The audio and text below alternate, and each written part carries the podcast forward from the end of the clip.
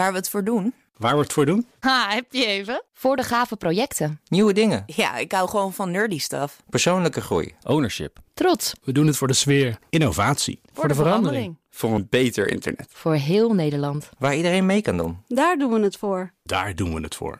Waar doe jij het voor?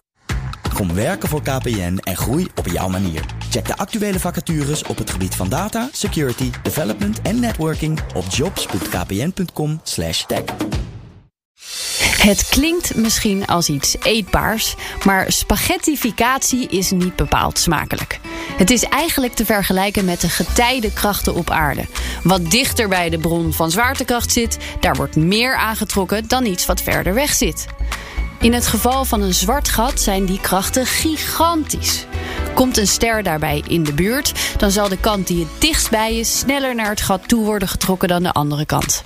Is de zwaartekracht van de ster zelf niet meer sterk genoeg om de boel bij elkaar te houden, dan ontstaan er slierten en krijg je dus spaghettificatie.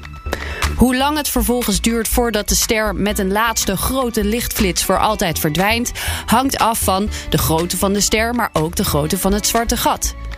Ook kan het nog zo zijn dat de slierten een hele tijd maar een beetje rond blijven draaien.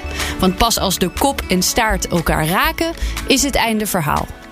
Soms duurt het wel een jaar voordat dit gebeurt. Zo'n flits van een uiteengetrokken ster is inmiddels al een aantal keer gezien. Maar recent is ook voor het eerst het stukje ervoor, die spaghettificatie, gedetecteerd.